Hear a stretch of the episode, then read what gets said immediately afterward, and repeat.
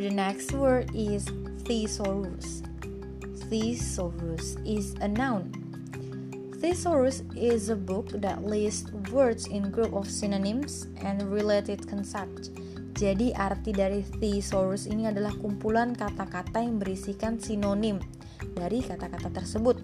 Biasanya kalau kalau kalian lagi cari arti di Google Translate, biasanya ada tulisan thesaurus itu adalah sinonim dari kata yang mungkin sedang kalian cari. Jadi itu adalah arti dari thesaurus, kumpulan sinonim-sinonim.